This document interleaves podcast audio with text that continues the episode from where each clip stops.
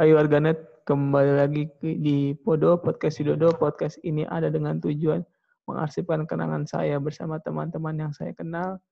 Dan mau tahu nih kesibukannya seperti apa. Ya sebelum saya bingung dan canggung mau menghubungi mereka seperti apa. Selain itu, juga saya bertujuan untuk mengarsipkan kenangan ini ketika saya berumur 40, 50, 6 tahun, 60 tahun. Saya akan mendengarkan podcast ini kembali untuk mengingat dan mengenang teman-teman saya yang mungkin takutnya sudah lost contact dan sebagainya begitu. Nah, kebetulan eh, kembali ke dunia perkampusan, saya pengen bahas banget nih tentang aktivis kampus karena beberapa hari ini atau beberapa waktu belakangan eh, ada video yang berkaitan dengan aktivis kampus, ada juga eh, tentang UKT di kampus seperti itu. Jadi dunia perkampusan nih di Twitter sosial media yang sering saya gunakan itu sering bergejolak lah intinya seperti itu. Nah bersama saya salah satu orang yang bisa saya anggap aktivis kampus atau organisatoris kampus yaitu Iksan. Gimana kabar San? Alhamdulillah baik Mas Arif. Mas Arif kabarnya baik juga. Alhamdulillah, insya Allah baik. Itu pertanyaan yang sangat sulit sebenarnya kata Mbah Jiwa Tejo kalau ditanyakan kabar itu sih jelasinnya. Begitu. Iya. Gini San, saya itu pengen uh, bahas tentang aktivis nih San.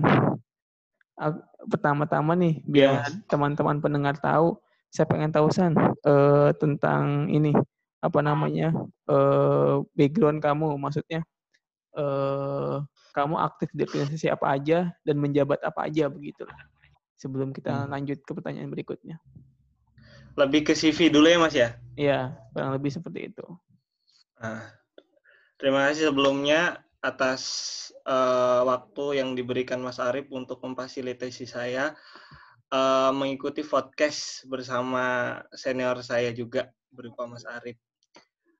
Uh, perkenalkan, saya kan Muhammad Iksanuddin, uh, mahasiswa aktif semester 8 yang nanti sebentar lagi mau semester 9 di Universitas kita tercinta Winwali Songo Semarang.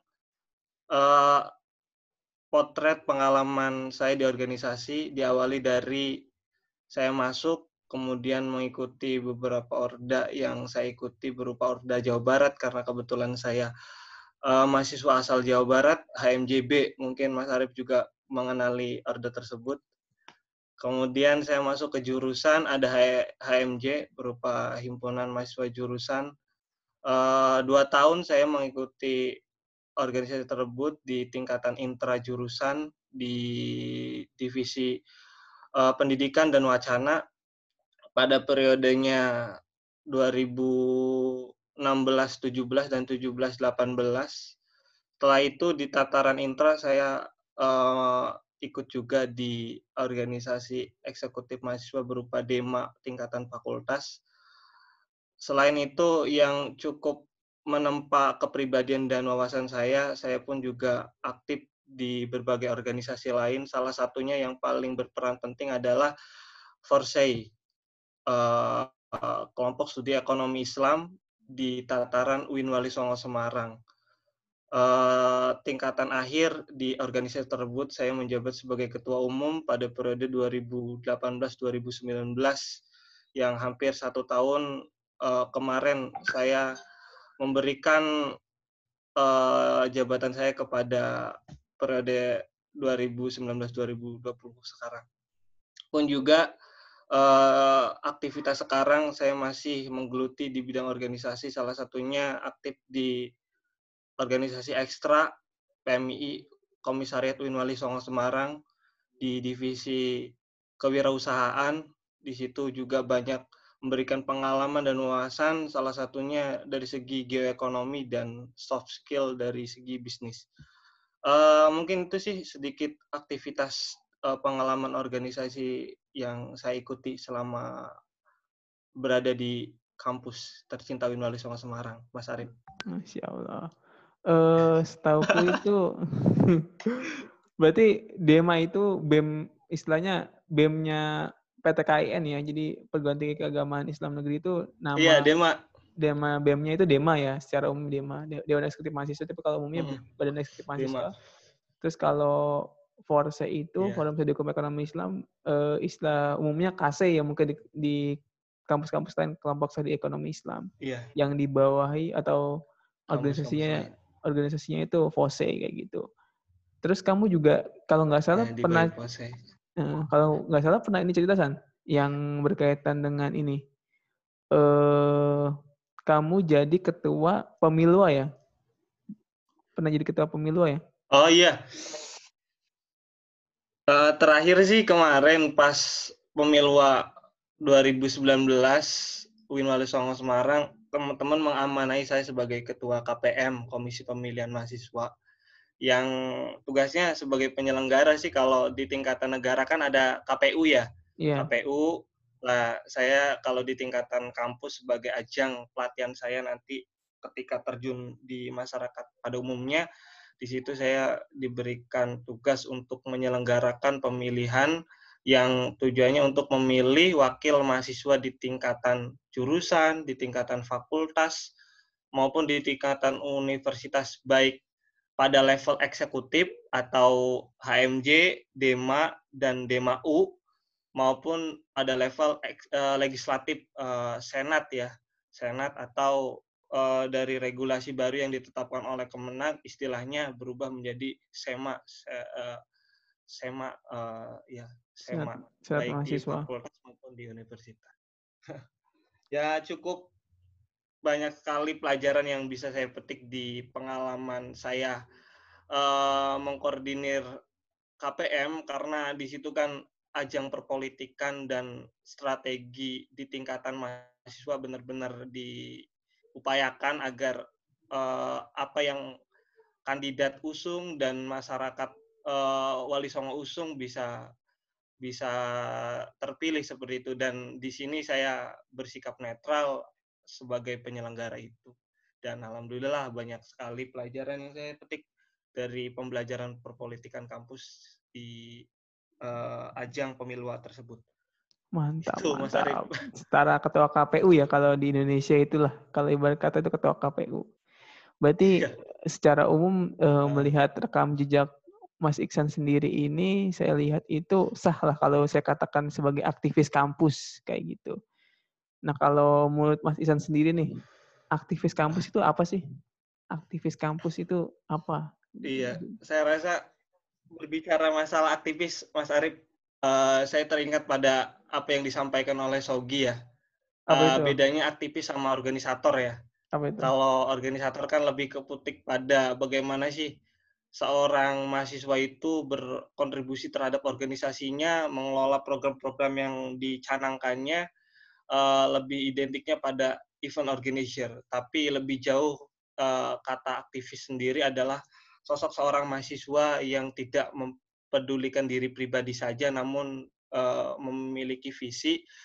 Bagaimana sih seorang mahasiswa juga andil terhadap mahasiswa lainnya, tidak pasif, tidak apatis, dan tanggap terhadap permasalahan-permasalahan oligarki di tingkat birokrasi kampus maupun maupun di tingkat eh, negara seperti itu. Karena ya eh, kalau rekam jejak seorang aktivis, saya rasa banyak sekali kontribusinya, baik di tataran aktivis 98 maupun tataran aktivis 60 se- semisal si, si Sogi yang mungkin juga Mas Arief rekam jejaknya sudah Mas Arief baca. Sedangkan eh, kalau saya pribadi secara kontribusi apa sih aktivis yang saya pernah berikan untuk apa ya memberikan bantuan dan lain sebagainya masih dibilang belum signifikan sih tapi saya coba di podcast kali ini berbagi cerita saja. Kalau pengertiannya menurut Iksan nih, aktivis itu apa, San? Kalau aktivis eh, diawali dari kata aktif ya. Aktif di sini berarti kan eh, mahasiswa yang memang aktif dari segi lini, aktif tanggap, eh, cegah dan gugah. Eh, saya katakan cuma dua hal saja. Yang pertama yaitu cegah dan gugah. Artinya apa? Cegah di sini eh, apa yang telah kampus berikan kepada kita berupa knowledge atau pengetahuan, setidaknya bekal tersebut bisa kita terapkan untuk menggugah dan mencegah, menggugah dari sebuah kebijakan-kebijakan yang tidak uh, memihak kepada kaum yang lemah dan menggugah suatu hal yang tidak semestinya terjadi seperti itu. Maka reaksinya ada reaksi yang uh, terbentuk dari benturan dan benturan kemudian terjadi seperti itulah. Ya, secara singkat, uh, mahasiswa yang aktif dan tanggap pada persoalan kampus seperti itu. Ketika di tataran kampus. Dalam ya, dalam ya pengertianmu itu. Kalau dimaknai sebenarnya. Oke, oke, oke. Gini San, yeah. Iya. uh, saya secara pengalaman pribadi, terus juga ditambah perspektif orang-orang kebanyakan di sekitar dan juga uh, yang saya kenal kayak gitu pertama waktu saya SMA tuh disarankan kayak kalau misalkan masuk kampus udah kuliah aja yang bener. Jangan jadi aktivis nanti lulusnya susah. Lama. Kesannya itu kayak aktivis tuh lulusnya susah terus atau lama lulusnya. Terus juga sering bolos kuliah nilainya jelek kayak gitu. Padahal kan setahu saya nih Iksan itu salah satu aktivis yang berprestasi kayak gitu. Yang beberapa kali menang lomba juga dan juga enggak nilainya juga nggak jelek, bagus malah rata-rata bagus kayak gitu. Dibandingkan orang-orang yang tidak aktivis juga bisa dibilang nilainya bagus. Nah, menurutmu gimana San? Stigma negatif itu. Aktivis nilainya jelek, bolosan, terus juga lulusnya lama. Gimana pandanganmu San?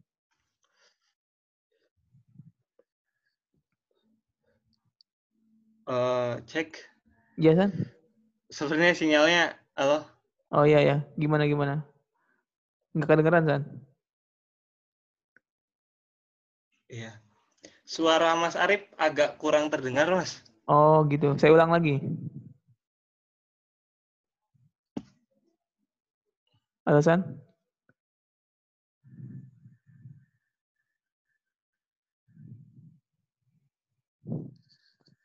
Jangan wifi kok. Oh. San?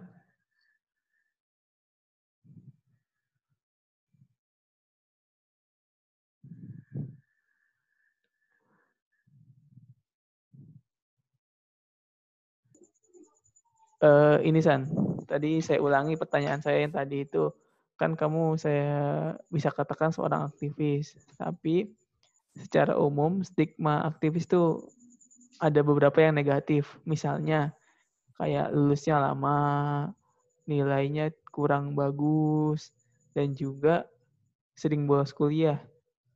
Nah, pandanganmu terhadap stigma negatif tersebut terhadap aktivis dan yang kadang-kadang nih hal-hal kayak gitu tuh membuat mahasiswa baru tuh malas jadi aktivis karena stigma seperti itu. Pandangan kamu seperti apa, San, berkaitan dengan stigma itu?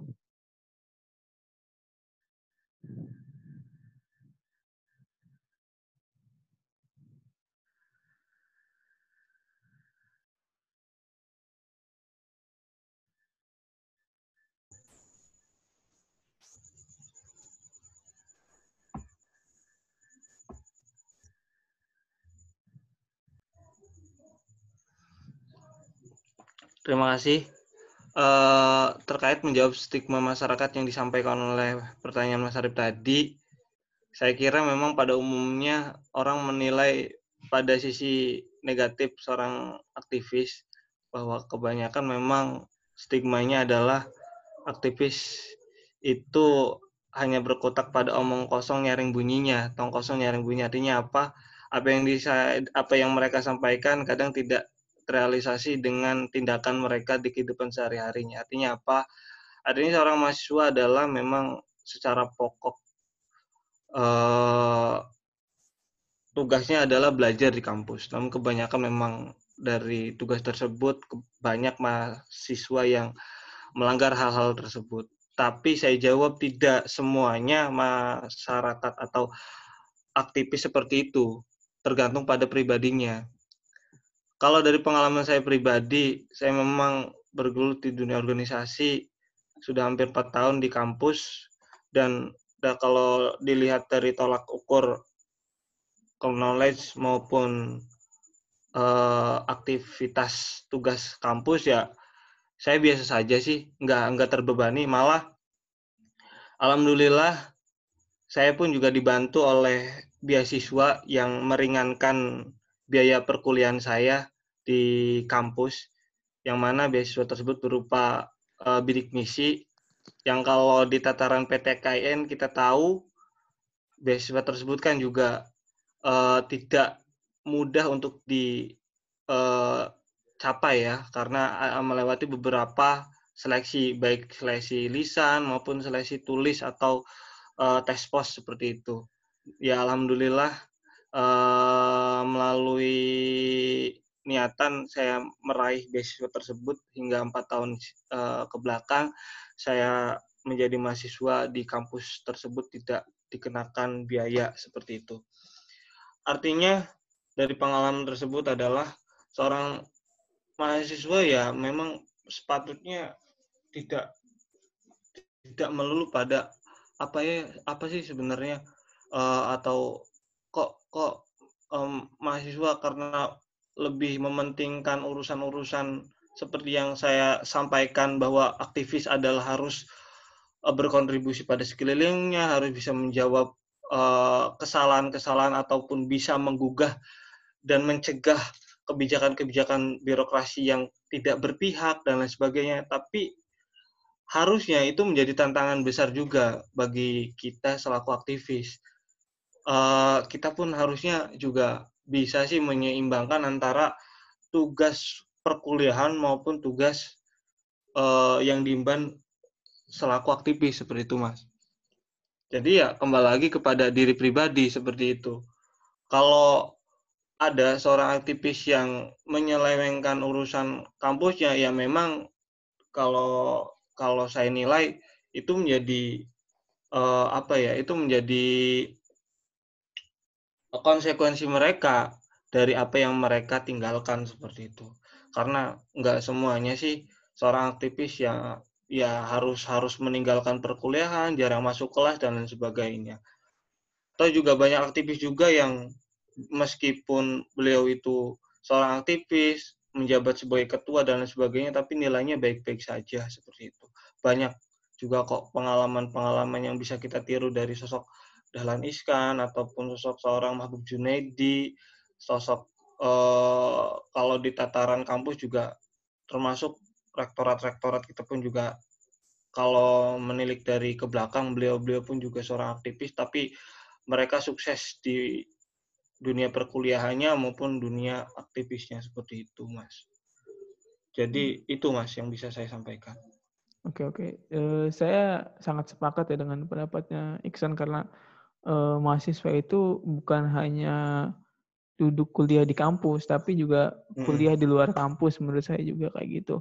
Nah, uh, salah satu contoh yang udah Iksan sebutkan tadi juga yaitu tokoh mahasiswa menurut saya sampai hari ini yaitu Suhoki. Suhoki itu bukan cuma diskusi di kelas saja, tapi diskusi di luar kelas bersama teman-temannya. Nah, kebetulan kita berdua itu sama-sama uh, baca bukunya Suhoki atau buku buku hariannya sih lebih tepat buku hariannya Suhoki yaitu catatan seorang demonstran. Betul, catatan seorang demonstran. Nah, nih buat teman-teman pendengar yang masih jadi mahasiswa atau mahasiswa semester awal tuh wajib banget tuh baca catatan seorang demonstran. Nah, gini San. E, menurut kamu nih San, kan di, di buku itu kan ada gambaran aktivismenya Suwogi atau seorang Suwogi menjadi aktivis kayak gitu. Gimana kondisi Suwogi saat itu dengan kondisi aktivis kampus zaman sekarang tuh perbandingannya gimana San? Kan zaman Suwogi kan sering senang diskusi senang nulis, terus juga uh, senang berpendapat dan juga pernah yeah. berpolitik juga kayak gitu.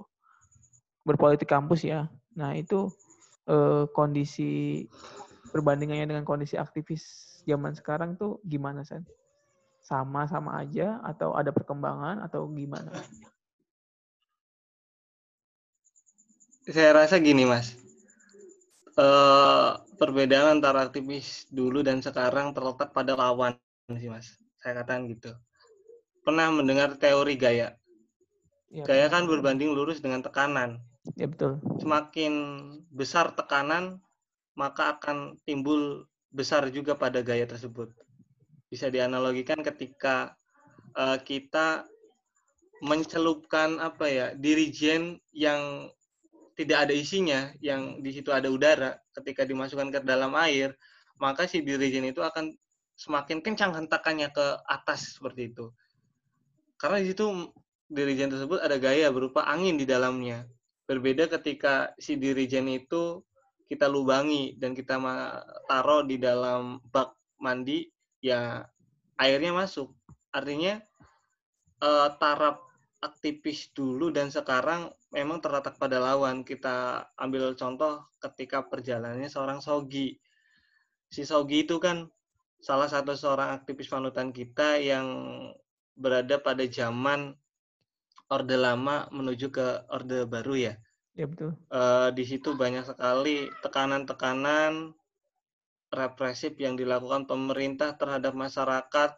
Suatu contoh ada adanya long match yang dilakukan oleh Sogi di Bundaran HI itu kan ketika Sogi melihat banyaknya ketimpangan yang uh, ada di tengah masyarakat UKM, UMKM, pedagang-pedagang kecil merasa tidak uh, teruntungkan dengan kebijakan-kebijakan yang diberikan oleh pemerintah. Akhirnya dengan cepat Sogi merespon keadaan tersebut dan mereaksikannya dalam bentuk long match sebagai teguran terhadap pemerintah untuk melihat sejauh mana si pemerintah andil terhadap kaum bawah itu di tataran uh, Sogi. Begitupun juga di tataran aktivis 98. Kita tahu pada Orde Baru tersebut musuh nyata seorang aktivis mahasiswa adalah Orde Baru. Orde Baru dengan sifat oligarki, nepotisme, korupsi dan lain sebagainya menjadi momok yang menakutkan dan sepatutnya kita lawan seperti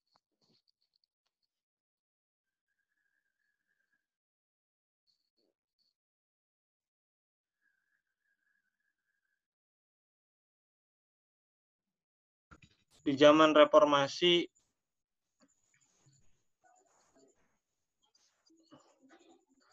kebiasaan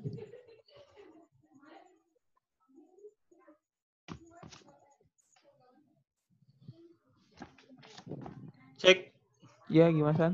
Di zaman Lanjut ya. reformasi ya ya ketika di zaman reformasi yang di situ ada kebebasan berpartisipasi berpendapat dan lain sebagainya mahasiswa sekarang saya rasa mulai terbawa arus. Saya jadi teringat apa yang disampaikan oleh Tan Malaka pada bukunya Mandilog. Kita boleh belajar dari Barat, tapi jangan membawa budaya Barat. Jadilah orang Timur yang cerdas. Itu kata Tan Malaka. Saya bisa mengambil hikmah dari dari perkataan Tan Malaka. Artinya apa? Kita boleh belajar ke semua penjuru dunia. Kita belajar adat istiadat ke seluruh dunia, baik barat, timur. Namun, kita harus tahu, kita adalah warga negara Indonesia yang memiliki budaya Indonesia seperti itu. Artinya, ketika di sana ada oligarki, tak sepatutnya budaya tersebut kita bawa ke negara kita. Tapi, kita harus mencegah hal-hal yang hal-hal tersebut agar tidak terjadi di Indonesia seperti itu. Nah, momok yang sangat menakutkan yang saya kira terjadi di aktivis sekarang adalah pengaruh-pengaruh budaya-budaya Barat yang yang terus merambah ke setiap sudut paradigma kehidupan mahasiswa pada umumnya melalui kecanggihan teknologi kalau diistilahkan oleh siapa yang menulis buku description buku description. Kurang tahu san. Iya. Itu ya saya lupa bukunya yang yang yang dia menggagas rumah perubahan itu. Beliau kan juga ada beberapa sisi negatif dan positifnya berkaitan dengan pengaruh teknologi.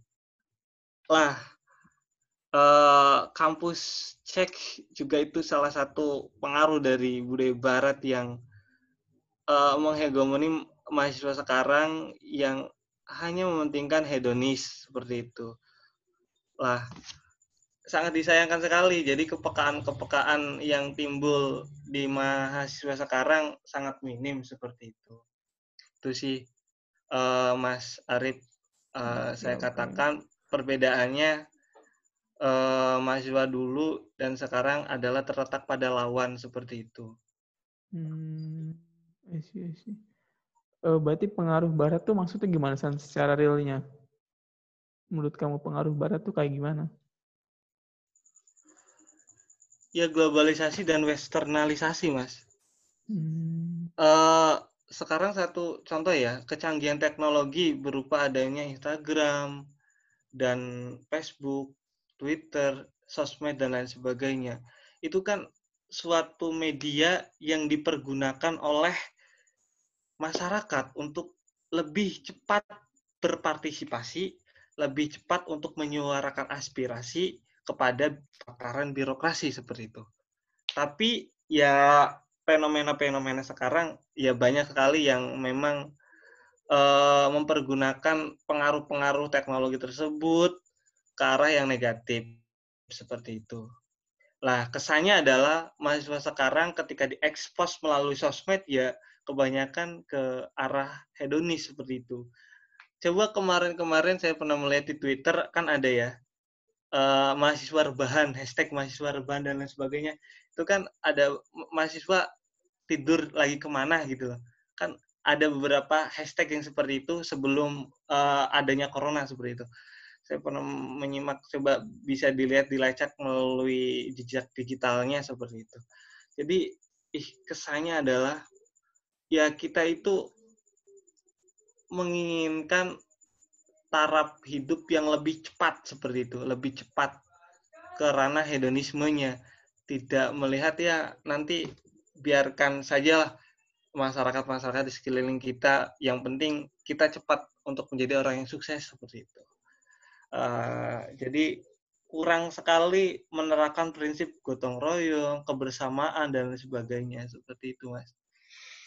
Okay, okay. Ya meskipun banyak juga yang memang secara idealisme mahasiswa sekarang juga masih mempertahankan hal-hal semacam itu seperti itu.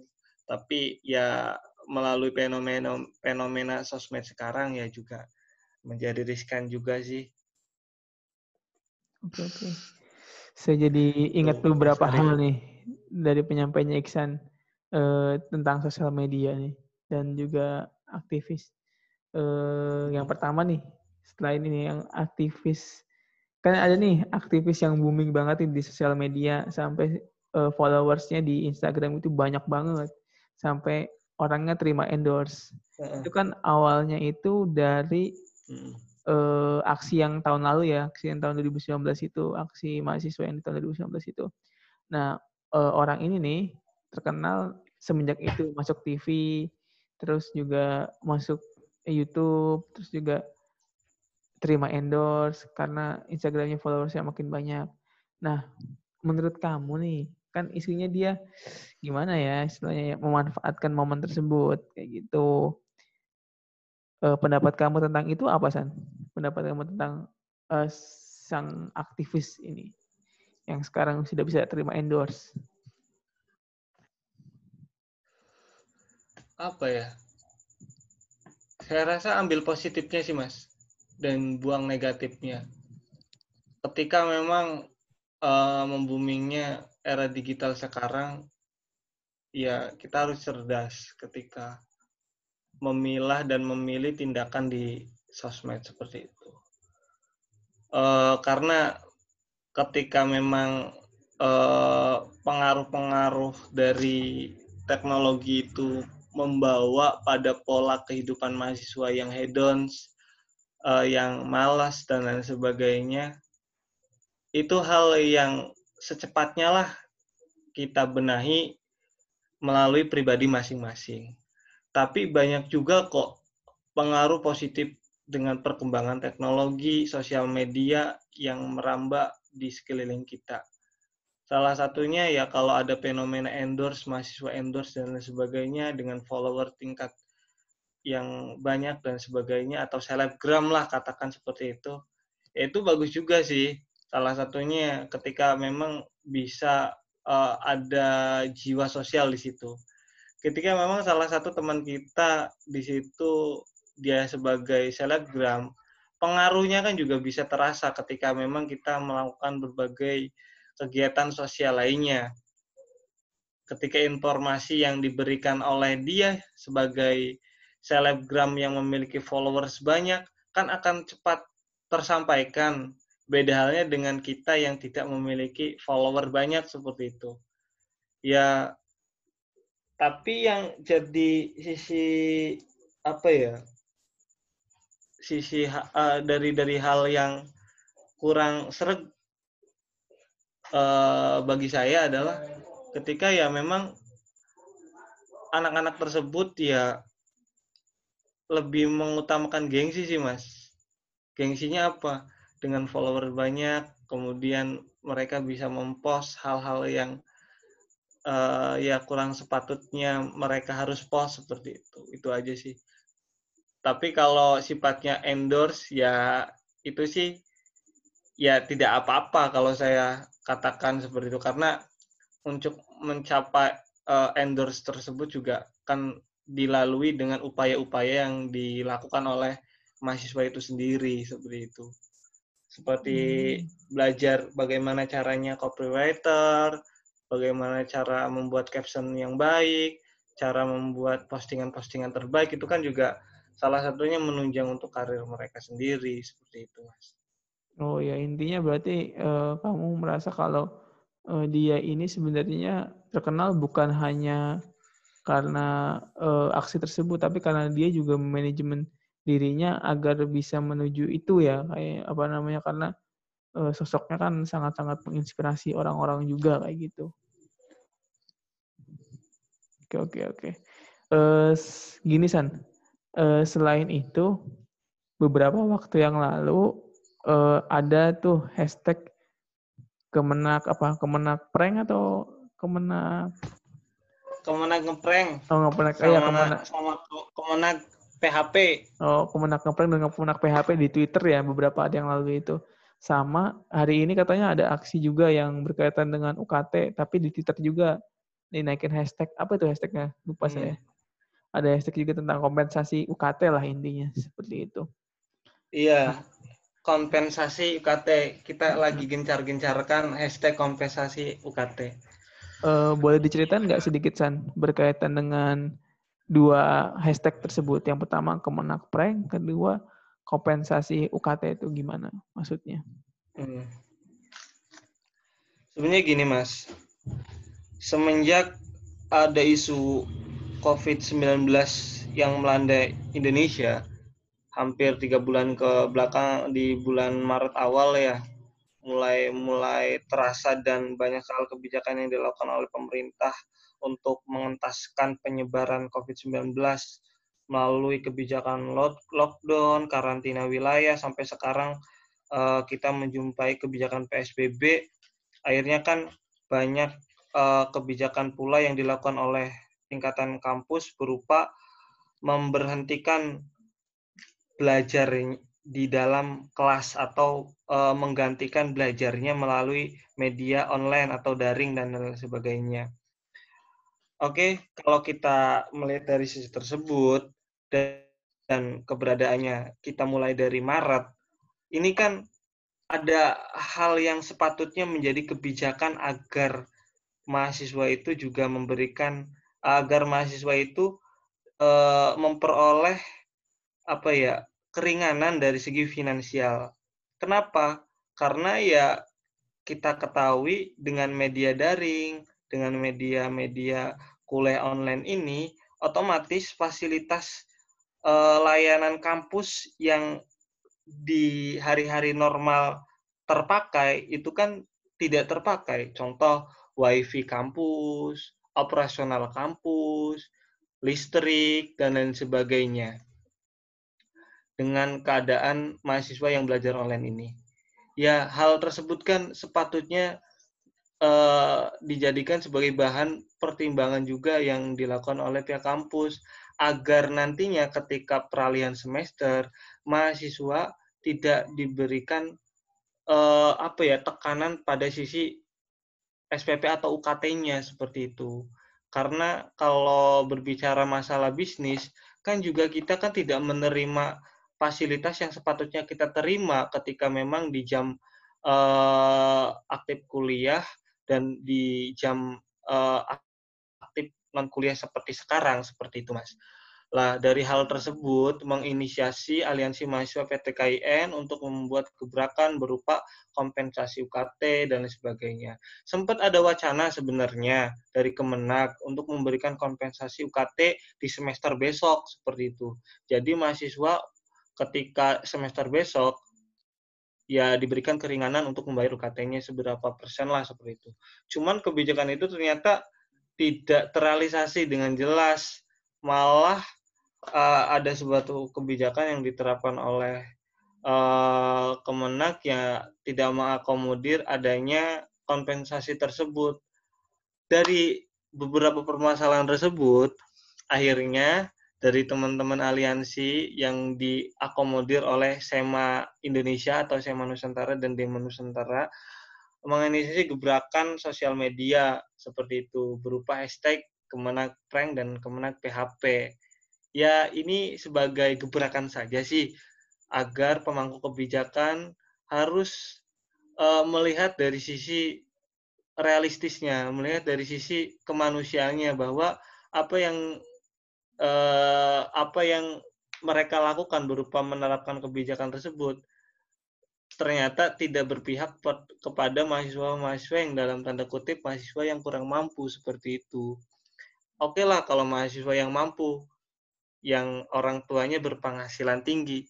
Namun banyak kan di tataran PTKIN, PTKIN yang kalau dari segi finansial mahasiswanya kan di pada level menengah ke bawah dan itu merasa keberatan apalagi di tengah pandemi seperti ini bekerja dilarang, keluar rumah dilarang dan sebagainya. Otomatis kan bagaimana kita nantinya akan membayarkan UKT di semester depan ketika penghasilan dari orang tua kita ataupun mungkin mahasiswa yang sehari-harinya juga bekerja untuk menunjang perkuliahannya dicegah untuk mereka mendapatkan penghasilan seperti itu itu kan tidak realistis kebijakan tersebut.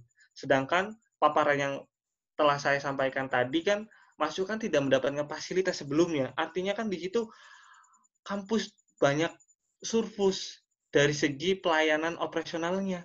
Ketika harus ada kenakan biaya wifi kan bisa di stop dalam beberapa bulan kemarin. Operasional listrik bisa di stop dan operasional lainnya seperti itu. Ya itu sih mas.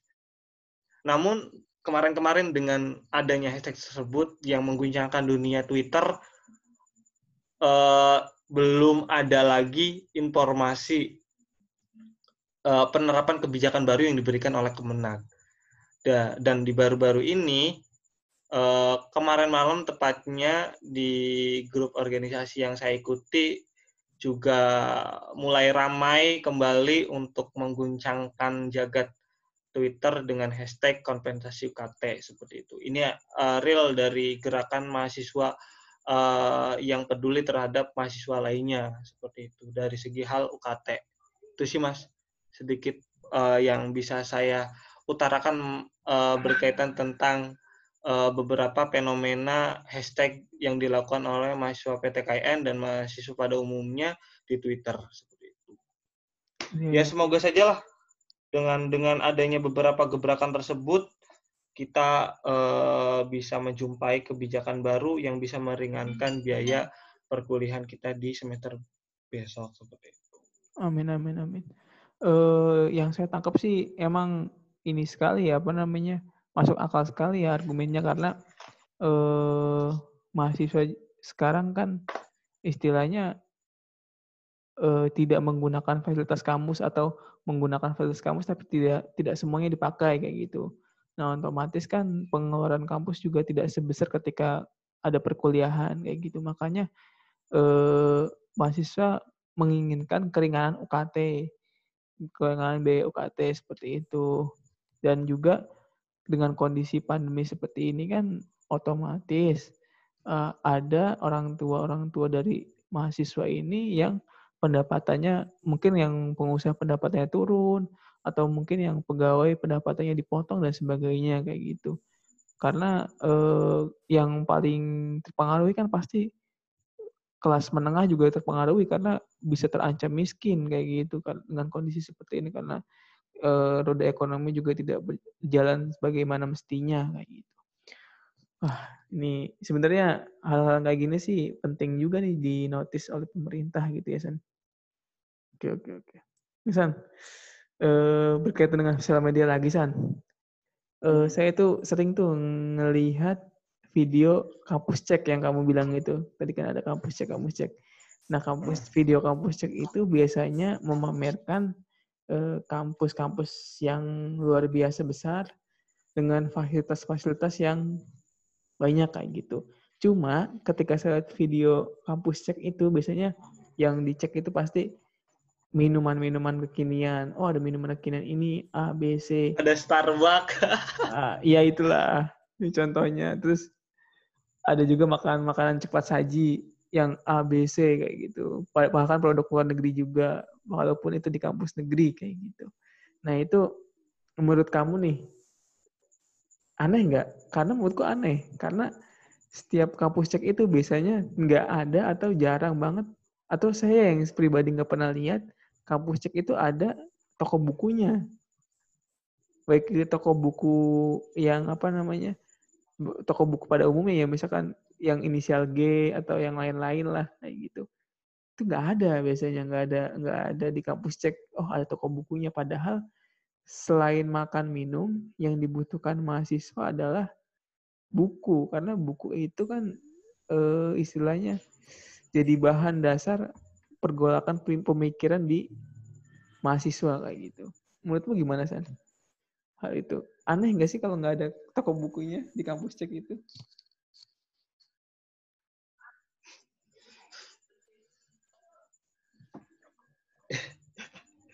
Aduh, iya sih sempat lucu juga sih menurutku. Uh, sekarang kan mereka memiliki visi apa coba? Me, apa ya mempamerkan fasilitas-fasilitas kampus yang tergolong wow gitu loh di sosial media.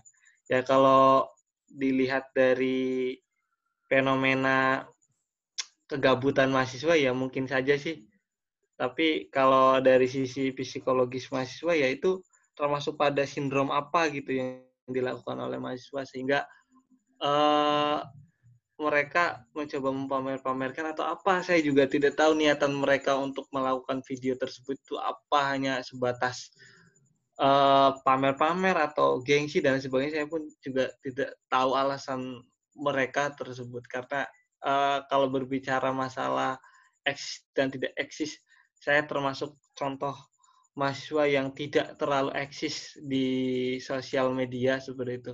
Saya lebih kepada uh, tipe mahasiswa yang kalau action ya ayo langsung action saja seperti itu.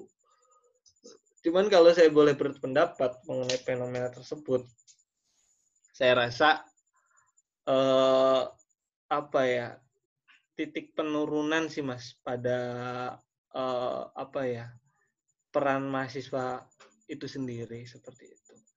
Yang artinya apa? Kalau dulu itu mahasiswa itu akan bangga ketika mereka itu mengetahui suatu keilmuan tertentu. Contoh, ketika mereka berdiskusi kemudian dipamerkan ketika mereka memiliki pengalaman tertentu mereka eh, mempamerkan itu kan akan akan terasa lebih hangat tersebut apa namanya akan terasa lebih lebih bangga ketika mempamerkan tersebut ya. timbang uh, mempamerkan hal-hal yang semacam tersebut semacam itu seperti itu. Ya apa ya jadi tingkat penurunannya apa? Saya tidak melihat di kampus cek tersebut mengkampani profilkan isi perpustakaan seperti itu tidak merekam jejak uh, satu contoh uh, di kampus cek itu uh, melalui konsep ini apa namanya riset-riset yang dilakukan oleh mahasiswanya tersebut dan lain sebagainya. Ini lebih kepada mempertontonkan fasilitas-fasilitas, bahkan ada yang uh, menggambarkan bahwa di kampus saya nih ada ada satu brand minuman inilah ya gitu seperti itu.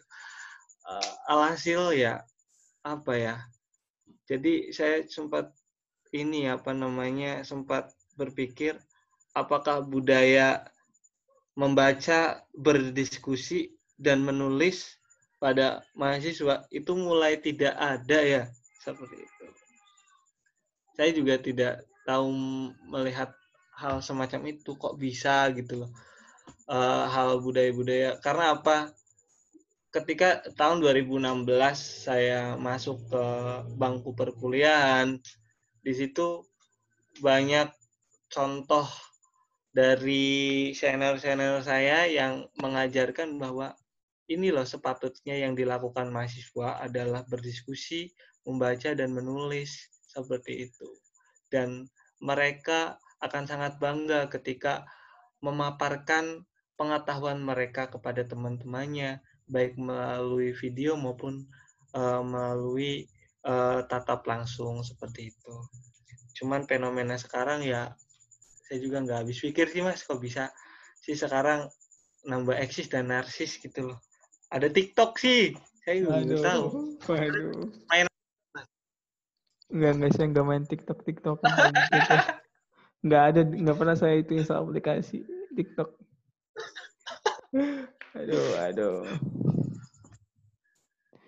Hmm, iya. berarti iya. uh, mungkin ada faktor ini juga ya apa namanya uh, kurangnya minat mungkin ya terhadap baca tulis dan juga diskusi mungkin agak berkurang mungkin ya minatnya dibandingkan yang eh, tidak iya. dibandingkan dengan zaman saya mungkin zaman zaman kayak Soki dan sebagainya kan uh, itu kan media media untuk diskusinya itu lebih sedikit malah. Harus dari baca buku harus dari buku harus dari film mungkin dan sebagainya. Kalau zaman sekarang kan uh, dari artikel-artikel online maksudnya misalkan uh, tentang in-depth-nya dari in-depth beritanya dari Tirto misalkan itu kan juga bisa jadikan diskusi. Atau misalkan dari jurnal-jurnal online sekarang sudah banyak kayak gitu. Kalau oh. gitu kan padahal lebih susah tapi mungkin lebih karena lebih susah mungkin ya jadi lebih giat mungkin untuk melakukan hal-hal seperti itu, diskusi dan sebagainya. Nah, San, hmm. uh, kalau hmm, dari kamu, San, ada lagi nggak, San, uh, untuk pesan atau hal-hal yang ingin disampaikan terhadap mahasiswa-mahasiswi nih, baik itu yang aktivis maupun yang mau jadi aktivis atau yang belum jadi aktivis kayak gitu. Ada nggak nih, San, pesan-pesannya? Apa ya? Uh, kalau saya gini, Mas kalau tangan kita punya dua, janganlah penglihatan kita terfokuskan pada satu tangan saja. Karena apa? Karena kedua tangan itu melekat pada tubuh kita. Itu yang jadi pedoman dasar saya. Maksudnya, satu tujuan, satu titik. Itu bolehlah kita tuju. Tapi janganlah kita meninggalkan sekeliling kita gitu. Karena apa?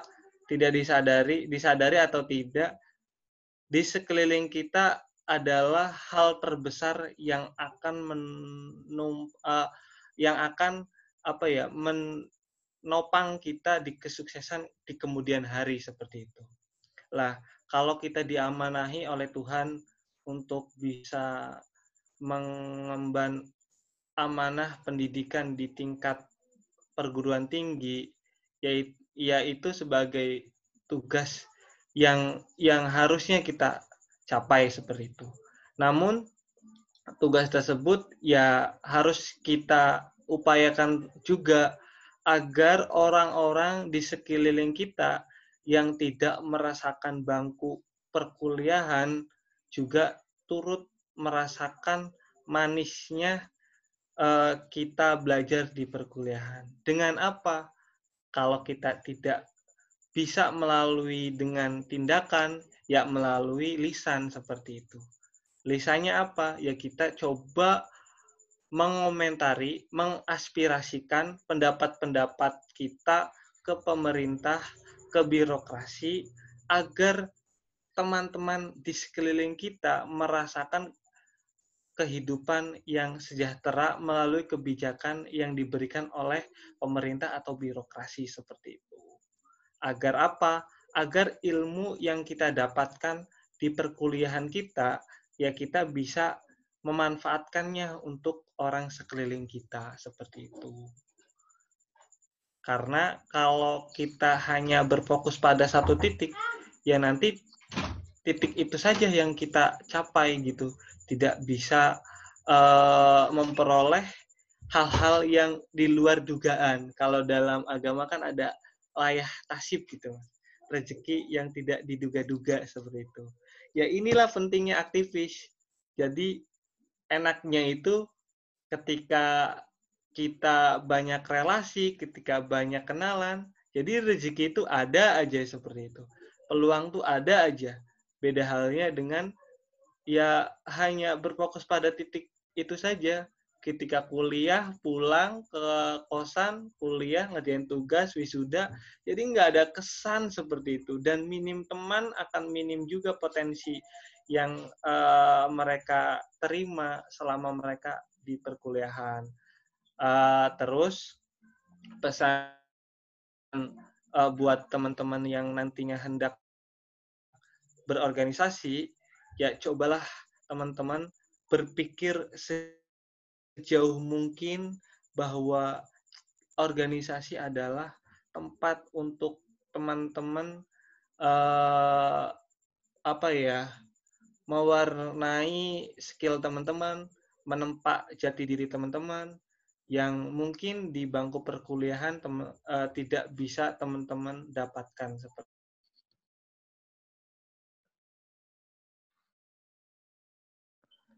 Uh, mungkin gitu ya yang apa namanya bisa disampaikan Iksan berkaitan pesan dan ke pesan-pesannya untuk aktivis aktivis atau mahasiswa mahasiswa kampus eh, di era sekarang kayak gitu. Karena uh, sebenarnya uh, banyak sekali pejabat-pejabat petinggi-petinggi negara ini yang awal mulanya itu berawal dari aktivis berawal dari diskusi-diskusi kecil seperti itu. Misal Pak Yusuf Kala, terus Pak Anies, Cak Imin, terus juga yeah. ada Cak Nur, kayak gitu-gitu.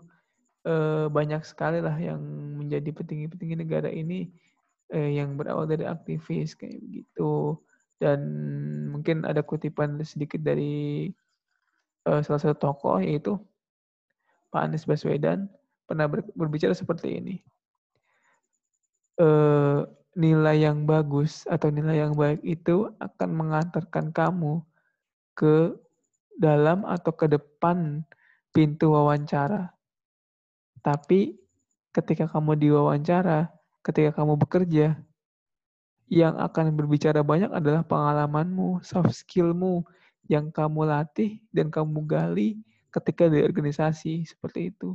Jadi kayak komunikasi, terus cara kerja yang baik, work team, kerjasama, dan lain sebagainya dan sebagainya itu lebih banyak diasah di organisasi kayak gitu. Makanya benefit organisasi itu seperti itu. Itu mungkin eh, pesan dari Iksan dan juga sedikit tambahan dari saya eh, untuk podcast kali ini. Eh, terima kasih buat yang udah dengerin dan juga terima kasih buat Iksan yang udah meluangkan waktunya untuk mampir di podcast ini. Uh, mungkin uh, sekian. Gimana San? Ya, cukup lah. Uh, cukup lah ya. Uh, terima kasih buat yang udah dengerin. Dadah.